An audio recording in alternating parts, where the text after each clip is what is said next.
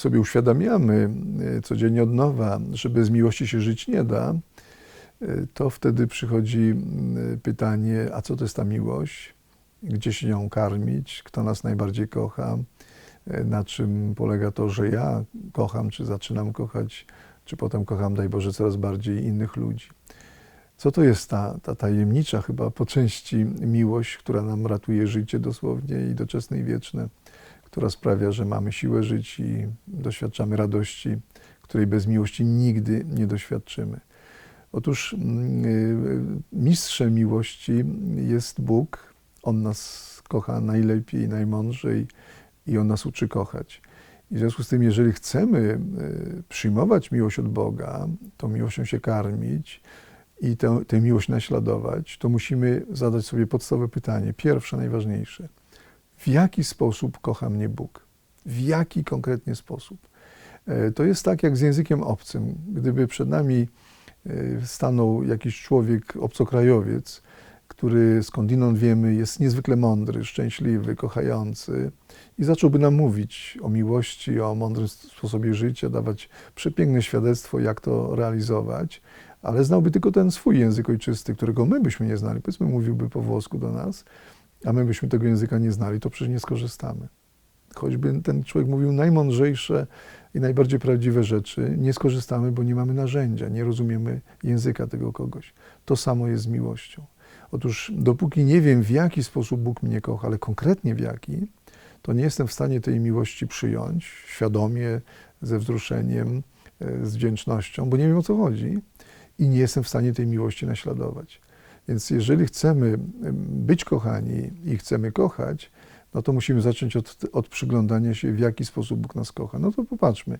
Otóż w tej refleksji chcę po, pokazać sobie i naszym e, drogim telewidzom e, pierwszy, pierwszą cechę Bożej miłości, mianowicie Bóg Ciebie i mnie kocha za nic. Jak ja lubię sobie najpierw o tym mówić i przypominać e, i, i także innym ludziom. Bóg Ciebie i mnie kocha za nic. Kiedy o tym mówię na przykład do młodzieży, to niemal w każdej grupie ktoś mówi, proszę księdza, co? Za nic? Jak to można za nic kochać? Otóż no, miłość jest albo za nic, albo, albo jej w ogóle nie ma. Na wszystko inne poza miłością wręcz powinniśmy zasługiwać. Wręcz powinniśmy na nagrodę, na wyróżnienie, na zaufanie, na dyplom, e, na pensję, e, na to, że ktoś przyjmie nasze oświadczyny, to, to chłopak powinien na to zasługiwać, żeby dziewczyna przyjęła, przyjęła jego oświadczyny. Natomiast na miłość nie damy rady zasłużyć, a już zwłaszcza na miłość Boga, i nie potrzebujemy zasługiwać. Bóg kocha nas dosłownie za nic, bez żadnych warunków. Także wtedy, kiedy my nie kochamy ani Boga, ani siebie, ani bliskich, kiedy wręcz kpimy z Boga, kiedy go wyrzucamy z naszego życia, jakiejś tam naszej słabości, naiwności czy rozpaczy, kierowanej niesłusznie przeciwko Bogu, czy w jakimś tam buncie, bo źle rozumiemy Boga, czy kompletnie nie rozumiemy. W każdym razie, kiedy nawet kpimy z Boga, kiedy Go krzyżujemy, On nie przestaje kochać. Nie mówi do tych ludzi tam pod krzyżem, nędznicy jedni, wytracę was, już was nie kocham. Nie, nawet nie zastraszył, że wycofa miłość. Kocha nas za nic. Łatwo to sobie, stosunkowo łatwo uświadomić, kiedy patrzymy na miłość na przykład rodziców bardzo kochających. Jeżeli obserwujemy rodziców bardzo bożych, y, to widzimy, że ci rodzice nie tylko siebie nawzajem jako małżonkowie kochają y, za nic, y, bez żadnej zasługi, jedno wobec drugiego, ale kochają swoje dzieci jeszcze bardziej za nic. No bo za co kochają rodzice na przykład niemowlę i, i potem ma, małe dziecko? Przecież to dziecko robi, mówiąc z uśmiechem, wszystko, żeby było niekochane. Mianowicie robi siusiu i coś tam pod siebie, płacze po nocach, nie daje spać, gryzie mamusi, mamusie w piersi, kiedy się karmi, mamusi mlekiem, yy, rzuca zabawkami, pluje jedzeniem, kiedy coś nie smakuje. Yy, jak jest w gorszym nastroju, to jest takie markotne, że dzień i noc rodzicom nie da usnąć. Więc yy, mówiąc z uśmiechem i po ludzku, robi wszystko, nie, oczywiście bez złej woli, w swojej niedojrzałości, bezradności, wszystko, żeby być niekochane to, to małe dziecko. A jeśli rodzice kochają, to kochają e, za co? Za nic.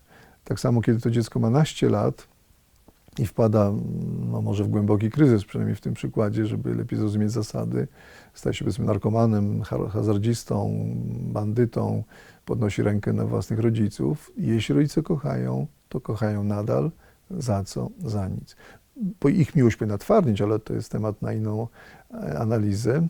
Natomiast y, miłość wtedy jest, nie, nie wycofują tej miłości, jest nieodwołalna, bo miłość jest dosłownie za nic. Y, Ze zdumieniem odkrywam, że łatwiej w tą miłość za nic uwierzyć nam, mężczyznom, niż kobietom. Przez wiele lat mi się wydawało, że kobiety są bardziej pewne, że są kochane przez Boga i to za nic. No dlaczego? No dlatego, że, że kobiety statystycznie bardziej kochają niż my mężczyźni. To jest dla mnie oczywiste. E, Są bardziej empatyczne, są bardziej ofiarne, są bardziej wierne e, w tej swojej miłości, bardziej czułe e, i bardziej podobne do Boga. Oczywiście są wyjątki, że kobieta w kryzysie to może być bardziej diabelska od najbardziej diabelskiego mężczyzny, wiem, ale to są wyjątki. Znam mężczyzn, osobiście znam, którzy kochają niesamowicie.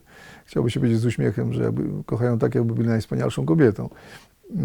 Ale to są wyjątki. Z zasady kobiety kochają bardziej, czulej, serdeczniej, ofiarniej, a mimo to, i to jest właśnie dla mnie zaskoczenie, trudniej jest im uwierzyć niż nam mężczyznom, że są kochane przez Boga i przez Bożych ludzi za nic.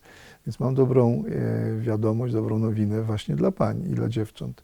Wy też jesteście kochane za nic. Nie musicie na miłość zasługiwać waszym poświęcaniem się, zwłaszcza na mężczyznom, nadstawianiem głowy za kogoś, y, za męża, tatę, czy syna, czy brata w kryzysie.